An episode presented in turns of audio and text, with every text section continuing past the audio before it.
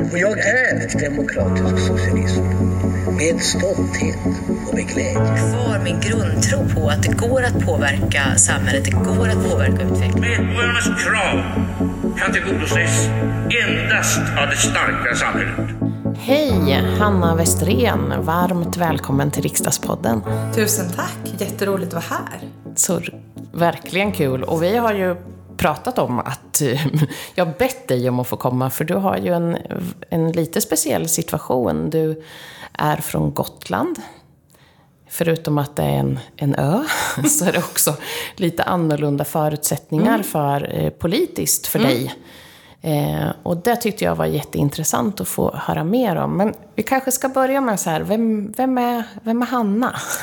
ja, Hanna är ganska nybliven 40-åring och jag har varit politiskt aktiv i, ja, i halva mitt liv. Så att mitt liv är väldigt mycket politik. Eh, jag har alltid tyckt om att diskutera och debattera och framför allt verkligen alltid brunnit för att göra saker tillsammans jag mår som allra bäst när jag antingen gör saker med min familj eller min, med mina vänner eller gör saker aktivt med, med, eh, med mina partikamrater. Eller ja, om man liksom utvecklar en, en, en fråga eller ett ärende här i, i riksdagen. Just det här med, med liksom gemensamma lösningar har verkligen varit som en, en röd tråd i, i, i mitt liv. Så mm. att jag eh, kom in som riksdagsledamot 2015 Eh, på ett, ett fyllnadsval då efter en, en kollega som, eh, som avgick och innan dess har jag varit eh, lokalpolitiskt aktiv under, under ganska många år. Så att eh, jag brinner verkligen för det här med att göra saker tillsammans och eh, bland det roligaste jag vet är att knacka dörr och det är väl just för den här gemenskapen mm. och möjligheten att prata med, med människor och få Ofta tycker jag det som händer i, i de samtalen är ju att man Eh, får eh, perspektiv på frågor som man inte hade väntat sig. Man möter människor som ibland verkligen har stått och väntat sig. Jag hörde att ni skulle komma på onsdag klockan sex, så nu vill jag faktiskt prata mm. om. Eh, och ja, det är helt unika möjligheter att, att få höra om hur de politiska beslut vi fattar här faktiskt ter sig i praktiken. Hur det blir när det landar på någons bankkonto eller hur det blir när ett, en mm. sjukförsäkring förändras eller ja, någonting i den stilen. Våra beslut blir väldigt tydliga i mm. människors vardag. Ja. Verkligen. Född kanske, uppvuxen på Gotland? Inte född på Gotland faktiskt, men jag har bott där i väldigt, väldigt många år. Och min, hela min pappas familj är från Gotland, men mm. mammas familj är från Småland. Så jag har funnits på ön i, eh, i snart 30 år, så det är verkligen hemma. Det är ingen annanstans i världen som är lika mycket hemma som, som Gotland. Det är min absoluta hemmahamn. Mm. Mm. Härligt. Och sen nu är du gruppledare i miljö och jordbruksutskottet. Ja. Mm. Mm. Sen den här mandatperioden. Ja, precis. Mm. Precis. Jag blev det i samband med, med valet 2018. Mm. Mm. Men ska vi börja med det där då? Det är ju en, en till ytan en ganska stor mm. ö du kommer ifrån, men hur, hur är liksom, och vad skiljer sig ditt, eh, ditt politiska engagemang mot, mot många andras liksom? Jag tänker att eh, det var nog kanske som mest märkbart när jag var ny som ledamot det här när, eh, när andra sa att Nej, men jag ska gå på bänkmöte eller jag ska gå på regionmöte. Har ju jag också för jag tillhör sydöstra regionen. Men kanske just det där att man eh, som ledamot från Gotland, åtminstone i nuläget när vi har ett av två mandat, så är det jag som är den så kallade Gotlandsbänken eller den lilla mm, Gotlandsfåtöljen. Mm, och det gör ju mig förvisso väldigt mäktig för att jag kommer inte överens med, med personer på min bänk om hur vi ska agera i, i frågor. Men däremot blir jag ju kanske ännu mer beroende än många andra ledamöter av att hela tiden backa hem och hämta, mm.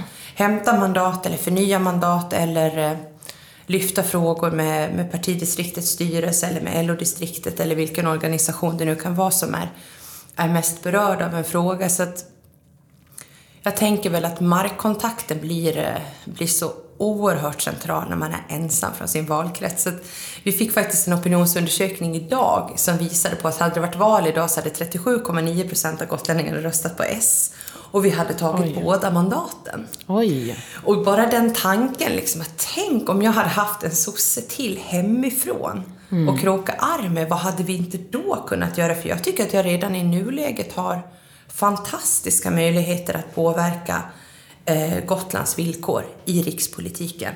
Men jag tänker att liksom dubbelkraft hade ju varit någonting helt sensationellt. Det hade varit jätte jätteroligt och såklart ändå eh, ytterligare en möjlighet liksom att, att kroka arm och liksom kanske fördela ansvaret. Nu blir jag ju mm, lite solitär i det här liksom att våra prioriterade frågor hemifrån, de, de ska jag ju driva med en fas i alla forum hela tiden. Hade vi varit mm. två så hade man kunnat ha lite en annan uppdelning kanske. Så att det är... Eh, en hundraprocentig ökning av... Ja, precis. Så att det är eh, oerhört roligt och det är verkligen med stor stolthet som jag ofta tänker på att människor har lagt sin enda röst på mig. Det, mm. det känns helt fantastiskt att jag får vara med och, och, och lagstifta och, och förändra och förbättra utvecklingen i Sverige. Men, men det är klart att det blir ju också eh, väldigt sårbart. Mm. Helt klart. För befolkningen gör att även om ön inte är jätteliten så är befolkningen inte så pass stor så att det räcker till fler än två. Nej, det skulle ju vara om det ramlade, om det där utjämningsmandatet någon gång ja. eh, slog till vår fördel. Men men det, det, då känns det kanske mer realistiskt att vi ska satsa på att ta det andra faktiska det. mandatet. Det. Och det har ju blivit en, en morot i, i alla forum där jag finns med just nu hela förmiddagen så är det ju nästan det enda vi pratar om. Hur ja. vi kan växla upp ytterligare för att förtjäna gotlänningarnas förtroende för båda mandaten. Mm. Mm. För just nu är ni det är du som socialdemokrat och, och en centerpartist. Mm, mm. Och vi har också en väldigt god samverkan. Det tänker jag blir ju en, en otroligt snabb och, och väldigt djuplodande insikt när man är ensam som, som ledamot att man måste kroka arm och bygga allianser. Och min utskottsfamilj, de är ju helt fantastiska och utan dem så hade riksdagsvardagen varit väldigt mycket gråare. Men också, eh, jag är väldigt glad att en centerpartist från, från ön som vi ändå i, i vissa avseenden har ganska mycket gemensamt med i termer att vi är folkrörelser Eh, och vi har lite likartade sätt att arbeta och vi har liksom tidigt under mandatperioden eh, konkretiserat vilka tre, fyra frågor som vi vill driva tillsammans. Och det är ju en styrka i sig. Mm. Absolut. Men hela tiden som, som, eh, som ensam ledamot så får man ju verkligen eh, tänka att ensam är inte stark utan hela tiden bygga på, på gemensam styrka och hitta någon form av, av eh, gemensam nämnare som man mm. kan enas kring för att maximera eh, påverkan från sin, från sin egen valkrets. Mm. Mm.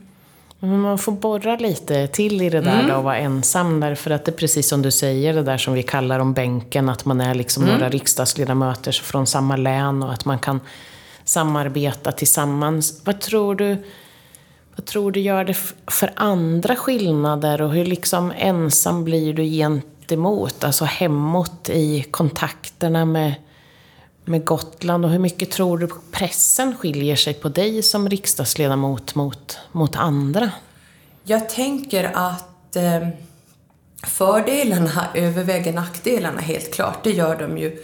Eh, vi är två ledamöter. Eh, vill eh, en journalist har reda på någonting så har man två riksdagsledamöter att, att ringa till mm. och vi svarar jämt. Mm. Eh, så att på så sätt har vi ju en, en fantastisk eh, möjlighet att förmedla vad vi har beslutat och vilka överväganden vi har gjort. Men eh, det har ju också varit situationer där, givet att vi är, eller under ganska lång tid ändå varit ledamöter med olika politisk färg, så kan ju ett beslut förmedlas på två helt olika sätt från samma valkrets. Vi hade en sån situation förra mandatperioden där eh, jag och den moderata riksdagsledamoten röstade olika och där jag eh, framställdes i otroligt ofördelaktig dager eh, mm. utifrån hur jag röstade och det mandatet som jag hade fått hemifrån. Mm. Och då blir du väldigt synlig. Väldigt synlig, mm. absolut. Mm. Mm. Helt klart. Och då är det du som mm. blir den som får mm. liksom ta... Mm. Och det är ju där som det blir så svårt, kan jag tycka ibland, att förklara att ja, jag är vald av gotlänningarna för att representera Gotland. Men jag hade aldrig stått på den där arma listan om det inte var för att medlemmarna i det socialdemokratiska partiet mm. hade beslutat på sitt årsmöte att jag faktiskt skulle få kandidera för partiet. Så att det där tudelade ansvaret att man är man är väljarnas representant, väljarna från sin egen valkrets, men man faktiskt också har någon form av, av ryggrad eller liksom ändå relativt absolut överbyggnad i termer av, av det parti man tillhör. Och det, det försöker jag hela tiden balansera, precis som alla andra ledamöter. Att, att hitta den där balansen mellan sin hembygd och partiet man representerar. Där intressena ibland kan spreta. Mm, mm. Det kan de ju. Ja. Och det där tror jag att man får vara tydlig med mm. inför sig själv mm. också. Vad är jag först och främst? Ja. Eh, och i vilken ordning är den prioriter mm. alltså prioriteringen? Tror du att den skiljer sig åt mellan partier? Är vi eh, är socialdemokrater mer... Förstår du min fråga? Jag tror det.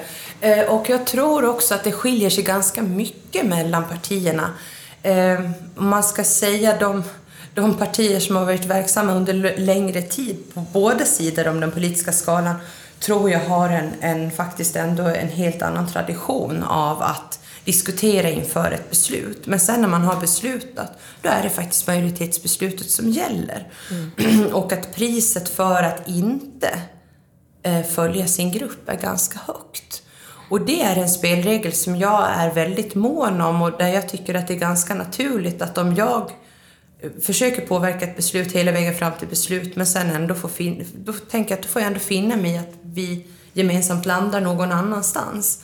Och ska jag sen då göra, eh, vad ska man säga, stärka mitt eget varumärke hemåt och säga att jag minsann röstade mot partilinjen, då får jag också vara klar över att nästa gång jag vill föra fram en Gotlandsfråga eller nästa gång jag vill eh, särskilt understryka en förändring i, i fråga om sjukförsäkring eller arbetslöshetsförsäkring så är det ju inte riktigt lika säkert att jag blir lyssnad på eftersom jag har eh, isolerat mig från gruppen i, i, en, i en annan fråga. Så den där dynamiken tror jag är, är väldigt tydlig i, i de lite större partierna. Eh, och jag tror också att det hänger väldigt mycket ihop med att vi, många av oss är oerhört förankrade där hemma. Men jag mm. tänker i ett lite nyare parti som Sverigedemokraterna som ju har eh, en helt annan geografisk struktur där du kan bo i en del av landet men du representerar till exempel Norrbotten. Då har du ju inte riktigt en, en hemmahamn på samma sätt och hamnar kanske inte heller i de svårigheterna att balansera partitillhörigheten med eh, ja, det geografiska medskicket som du kanske får från vissa delar av din valkrets. Och det tror jag också att man kanske måste våga syna för sin egen skull också ibland när, när rubriken är som störst. Alltså, tycker alla det här? Eller är det några som tycker det som är väldigt, väldigt högljudda? Det, mm. det har jag eh, tvingat tvingats säga till mig själv ibland när jag tycker att, att en, en debatt har varit eh, eh, oschysst. Att är det här verkligen är jag verkligen Gotlands mm. minst gillade människa idag? Eller är det så att en ledarredaktion har beslutat sig för att driva den tesen? Eller är det en väldigt högljudd grupp i kommentatorsfältet på hela Gotland? Eller är det en Facebookgrupp som har bestämt sig för att göra ner mig? Eller kommer det från mina egna medlemmar? Gör det det, då är det ju avsevärt mer allvarligt. För då äventyrar det ju mandatet jag har fått hemifrån. Mm. Det tänker jag också, och så är det väl i debatten. Det är mm. ju inte allas röst som alltid blir hörd lika mycket och det måste man ju som, som riksdagsledamot precis, både för sin egen skull ibland, eh, när debatten går högt, men också sådär att, att, att reda ut och bena ut vad är det som egentligen, för jag tänker att de frågorna som vi ibland får mest mejl om, eller mest kontakter om, är ju inte sånt som berör alla människor mm. lika mycket. Så jag tänker att det där är ju också en olika vana vid mm. att använda demokratin eller medier, mm. medier liksom för att göra sin röst hörd. Mm. Så. Men finns det någonting som är... Finns det no jag tänker att, att, för det här med att vara liksom, vara den här ön som jag återkommer, för det gör mm. ju ändå en lite speciell. Finns det någonting också det här att, att vara ölänet som också spelar roll i sättet? Eller finns det andra politiska frågor som ändå blir viktiga för er två då, mm. från, från Gotland, eh, som, är något särskilt, som är särskilt för er? Jo, det tycker jag väl ändå att det är. Vi har ju verkligen med fas ringat in tre frågor som vi driver väldigt hårt under mandatperioden och det är ju villkoren i Gotlandstrafiken, alltså att vi har en färjetrafik som faktiskt fungerar, både för de som vill besöka oss men att vi faktiskt hela tiden betonar att det här är vår landsväg. Det måste funka mm. och varje gång det kommer en signal från från ett departement eller från Trafikverket att eh, men det kanske skulle vara dags att sänka hastigheten lite eller pengarna räcker inte. Då måste vi ju ställa motfrågan på vilken annan väg i Sverige skulle man gå med på en, en hastighetssänkning för att pengarna inte räcker. Mm. Och där tänker jag, där blir det extra relevant för oss socialdemokrater att hela tiden våga syna det löfte som jag anser att vi ändå kommunicerar till väljarna just nu. Att omställningen måste ske och alla ska vara en del av den. Men ingen ska heller känna att man betalar ett omotiverat högt pris för den. Och det är ju där vi känner ibland att vi kommer lite i kläm. Mm. Att vi, vi står inför en ny upphandling nu där vi tycker att många av signalerna är att självklart ska ni vara en del av klimatomställningen, men det kommer kosta. Och jag tror alla är beredda på att det ska kosta, men inte att en del av landet ska betala med avsevärt mer. Samma sak med ö-faktor, alltså att vi har en sån överkapacitet i vår sjukvård för att vi ska kunna möta både vår egen befolkning när vi inte kan flyga akuta fall någonstans. Vi behöver ha extra röntgenutrustning, extra labbkapacitet och så vidare. Det kostar ju och den ö-faktorn vill vi ju kompenseras för. Eh, att vi har en, en robust elförsörjning är också en sån här fråga som jag känner ibland, men ska man, pratar vi ens om det här på mm. 2020-talet? Att vi inte har en fungerande elförsörjning, att vi inte är anslutna till det svenska stamnätet, men vi ändå är en del av Sverige. Så där känner man väl att, att man blir eh, ibland lite apart. Men samtidigt så tycker jag med tanke på att vi bara är två av 349 så möts vi i väldigt många sammanhang av, inte minst i, i vårt eget parti, av en, en väldigt eh, stor omsorg. Alltså att verkligen det här liksom att menar man allvar med hela landet så pratar man både om att knyta ihop landet från norr till söder men också från, från öst till väst. Och vi har en en region i Sverige som hela tiden måste liksom mm. inkluderas. Så att det, det tycker jag ändå att, att det, det särskiljer oss och det gör ju också att vi hela tiden brukar prata om att vi ska ta Gotland till riksdagen, att vi uppmärksammar frågor här men vi har ju också forum där vi tar riksdagen till Gotland. Almedalsveckan har ju verkligen gjort att, att Gotland har fått mycket ljus på sig och att eh, det finns ju ingen idag som inte vet var Gotland ligger och som ändå har något hum om mm. ungefär våra mm. hetaste mm. frågor. Mm. Och det tycker jag är, är, väldigt härligt och det är inte alla kommuner eller liksom landsdelar med så pass få invånare som kan säga samma sak. Så där tycker jag nog att vi i positiv bemärkelse ändå får eh, en hel del uppmärksamhet. Sen har det inte alltid gett utslag i, i termer av pengar men, men uppmärksamheten finns helt klart där för att det är speciella villkor att leva och verka på en ö. Spelar det roll att, att för, precis, jag förstår, jag tänker det, ni är två mm. av 349 mm. men, men ni får liksom gehör för. Mm. Men tror du att det också spelar roll att det är så många som ändå känner till Gotland? Underlättar det att driva frågor? Jag tänker att många också besöker, det är ju en turist, liksom, eller eller hade det ändå varit lätt att få gehör för de här frågorna? Förstår du min... Ja, jag tror att vi får eh, faktiskt ganska mycket draghjälp av att Gotland är så känt och är så eftertraktat. Och vi är ju ett oerhört hett besöksmål. Vi har en gotländsk eh, turismnäring som som strävar efter att bli, eh, bli den liksom mest hållbara destinationen i Sverige. Så det finns ju en massa sånt arbete som hela tiden liksom attraherar eh, ja, konkurrenskraftiga villkor och liksom som gör att Gotland växer. Men det är ju inte heller oviktigt att vi har så pass många sommargotlänningar som också värnar Gotland och som vi såklart helst skulle vilja att de skrev sig hos oss så vi fick skatteintäkten också. Men de bidrar ju också högst betänkligt till att eh, sätta Gotland på kartan. Det är ju ett stort mervärde att de åker hem till sina hemkommuner eller till någon annan del av världen och faktiskt fortsätter prata Gotland, fortsätter värna Gotland, engagerar sig i Gotland, faktiskt i många avseenden eh, vitaliserar våra hembygdsföreningar och finns med i vårt föreningsliv i den mån de har möjlighet. Eh, och det gör att Gotland blir det låter ju, låter ju konstigt, men jag tror du förstår vad jag menar. Att Gotland blir större än vad vi egentligen är. Alltså mm. vi, vi har, det är väldigt många, fler än 61 000 hjärtan som bankar för Gotland. Just det. Mm. Precis, som ändå går och bär även under vintertid. och det känner liksom. vi. Det, det, Ja. Mm. det, det drar vi väldigt mycket nytta av, att det är så många hjärtan som inte är skrivna på Gotland som ändå bankar för ön. Mm. Det, det är väldigt, väldigt eh, positivt och det går att göra mycket av. Vad är det som gör, egentligen två frågor, vad, eh, eller flera frågor kanske ett. Jag tänker att det på ett sätt hänger ihop. Vad är det som är fördelar och nackdelar med att, att bo liksom och leva på Gotland? Och då undrar jag också det här, ni har ju ett väldigt starkt stöd för, för S på Gotland. Finns det någonting som hänger ihop med det där eller är det helt så här? Jo, jag tror faktiskt att det gör det. För att jag, jag var på det lite i, i morse också när jag intervjuades i, i lokalradion hemma. Så jag tror att vi gotlänningar har blivit så oerhört medvetna om och uppmärksammade på, inte minst under pandemin, det senaste året, hur otroligt beroende vi är av varandra.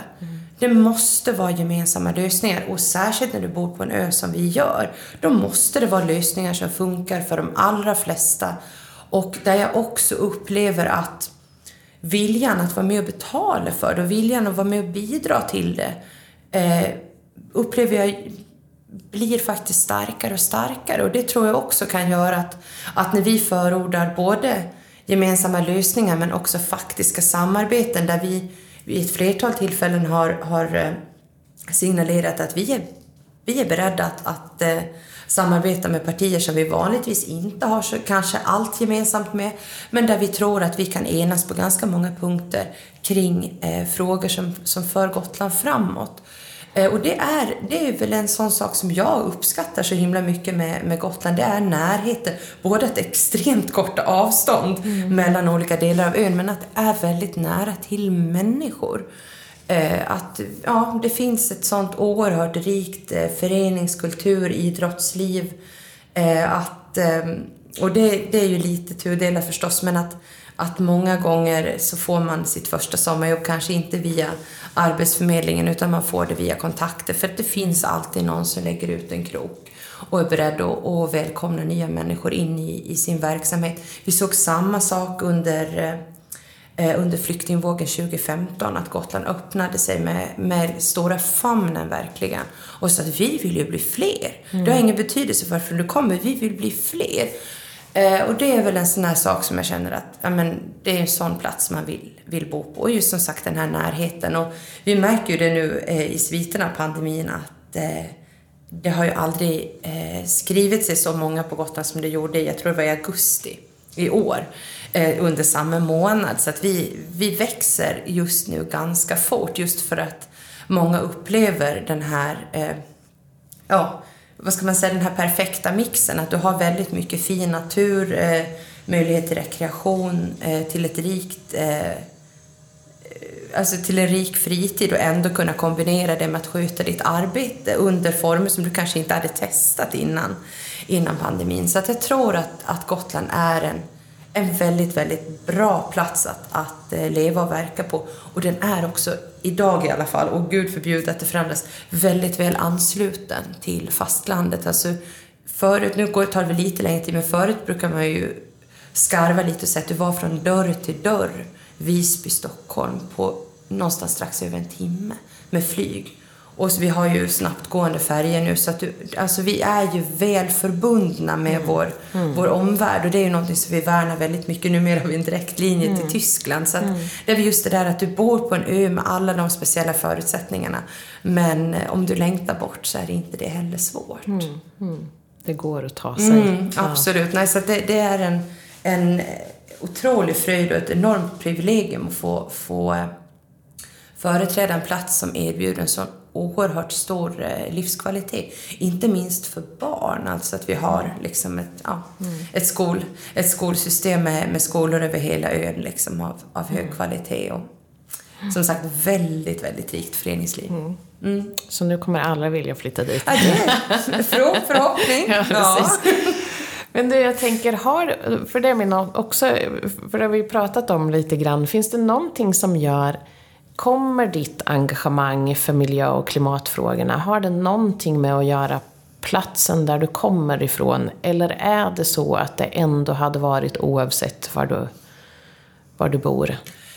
Nej, jag tror faktiskt att för många gotlänningar så har det nog varit integrerat i vårt medvetande sen vi var barn, utan att vi har tänkt på det. För jag har själv gjort lite den resan, jag vet, eh, när, det kom, när jag var yngre så fanns det ett projekt som hette Sudret på hugget, alltså södra Gotland, eh, där man eh, pratar mycket om, om eh, förbättringar i sin närmiljö. Det var så att jag miljöprojekt och sådär. Jag kan och prata med mina föräldrar om det och sådär. Sen började det liksom utkristallisera sig. Men det här är ju sånt som vi här jobbar med hela tiden. Liksom. Att vi har alla, tror jag, på något sätt engagerat oss för klimatet och miljön men kanske inte satt etiketten på det. För att på, bor du på en ö som Gotland med vattenbrist, med eh, havsnivåhöjningar. Det har funnits med oss under så lång tid. Eh, ja, vi, vi har ju vi som är vad säger, mitt i livet idag har ju under ganska lång tid ändå tagit del av vad som händer med fiskbestånden i Östersjön. Det finns så nära oss att det, det steget, jag, säga, jag vet inte ens när steget togs, men det har nog funnits med mig väldigt, väldigt länge. Som lokalpolitiker var jag aktiv i en organisation som heter B7 som knyter samman de sju största öarna i Östersjön. Och det var ju samma visa där, mm. att det fanns ju integrerat i allt vi gjorde. var ju hur ska vi kunna fortsätta leva, bo och verka på de här öarna? Och då var det ju direkt fokus på eh, att, en bättre resurshushållning, bättre energisystem, eh, hållbar avfallshantering, minskad nedskräpning. Så det fanns ju där hela, hela tiden. Och några av de öarna, inte minst Gotland, har ju, har ju under lång tid jobbat med sitt, med sitt klimatavtryck. Men det har ju skruvats upp de senaste åren. Men nej, jag tror att, att eh, det säkert för, för många gotländska ungdomar är precis samma sak. Att, att det finns med oss på något sätt väldigt, väldigt tidigt i livet. Att man kommer inte undan när man bor där vi bor för att vi har liksom både miljöförstöringen men också klimatförändringarna så under huden och på, på näthinnan hela tiden. Mm. Ja, för det är ju lite känslan, tänker jag. Ja. När man är liksom, jag menar Östersjön är påverkad, ja. men också alltså på ett, ur ett sådär, mm. man, det blir tydligt. Men också så tänker jag att naturen är så påtaglig på Gotland. Mm. Tänker också mm. på en ö, eller hur? Att det, ja, absolut. Och, vädrets makter och allt vad det är liksom. Ja, ja, ja. men precis. Och det, det är ju också det här med liksom sårbarheten och att, att liksom bygga gemensam säkerhet och gemensam styrka. Alltså det här med energiförsörjningen. Liksom, vi gotlänningar börjar bli så hjärtligt trötta på och, och, verkligen frustrerade över att vi har så mycket strömavbrott, att vi inte har en stabil energiförsörjning. Och det är ju det är ju självklart en, en fråga för näringslivet, men det är också en totalförsvarsförmåga. Det är också en fråga som i allra högsta grad har, har bäring på klimatfrågan. Alltså vad ska vi ha för energisystem i, i framtiden och vilken energi vill vi vara beroende av? Vill vi vara beroende av sol, vind och vatten som väldigt, väldigt många vill på Gotland eller vill vi få det från kärnkraft till exempel. Det är väldigt många vägval där, men där känns det ju som att Gotland, givet våra naturliga förutsättningar, med ett väldigt vindpinat eh, ställe i världen, så, så har ju vägen mot vindkraft kanske inletts mycket, mycket tidigare. Mm, just det. Mm. Det blir också sådär behövligt. Mm. Eh, om man ska knyta ihop eh, säcken lite, Hanna. Bara, eh, är det någonting utifrån allt det där som vi har pratat om nu? Ö, öarnas förutsättningar. Du på, ofta, om du inte är ensam så är ni bara två. Mm. Finns det någonting som du tänker att du skulle vilja skicka med liksom, som något så särskilt förståelse liksom, ur ett kanske demokratiskt perspektiv eller så? Tänk på detta när ni tänker på oss och på Gotland. Um, nej men det är väl just det här att, att faktiskt um lägga sin röst på eh, ett samhälle som, som man kan stå för att man lämnar över till sina barn. Alltså verkligen hela tiden eh, tänka sig in i liksom hur man själv hade det som barn och hur man vill att barnen som växer upp idag eh, ska ha det och sen jämföra det med sin med sin hemmakommun. Liksom att eh, drivs kommunen som jag lever i idag, drivs den på ett sätt som som jag tycker fungerar för barnen. För fungerar det för barnen så fungerar det vanligtvis också för alla andra. Mm. Så det är ett sånt bra eh, riktmärke. Och sen är det väl också, eh, och det är väl mer allmängiltigt, att komma ihåg att eh, förtroendevalda är människor. Jag såg senast igår i tidningen en, en, en herre som som uttryckte att alla politiker är gangstrar. Eh, så, mm. Och det var ju i pensionsfrågan mm. och jag tänkte mm. liksom så jag skulle, min spontana reaktion var verkligen att jag skulle verkligen vilja prata med honom. Mm. Eh, så, och det tänker jag är, är väl egentligen mitt medskick, liksom att sök kontakt med en förtroendevald. Vi är inte så många som vi borde vara, för att de förtroendevalda blir ju tyvärr färre hela tiden, men, men ändå att söka kontakt med en förtroendevald eh, som man känner förtroende för och faktiskt eh, lära sig mer. Alltså de flesta förtroendevalda uppskattar verkligen den, eh, mm. den typen av, av initiativ. Alltså att verkligen själv bli del av, av det goda samtalet. Det tror jag är, är väldigt eh, välgörande och också en väldigt fin gåva till de som, som kommer efter oss. Att hela tiden sträva efter ökad förståelse. Även i de fallen där man inte håller med varandra så kan man ändå enas om att man är oense men, men ändå få en större förståelse för andras eh, ingångsvärden. Och eh, jag tänker inte minst i klimatfrågan som nu är så på tapeten. Mm. Där kan det verkligen eh, vara av godo att förstå eh, sin motståndares perspektiv bra avslutning på detta.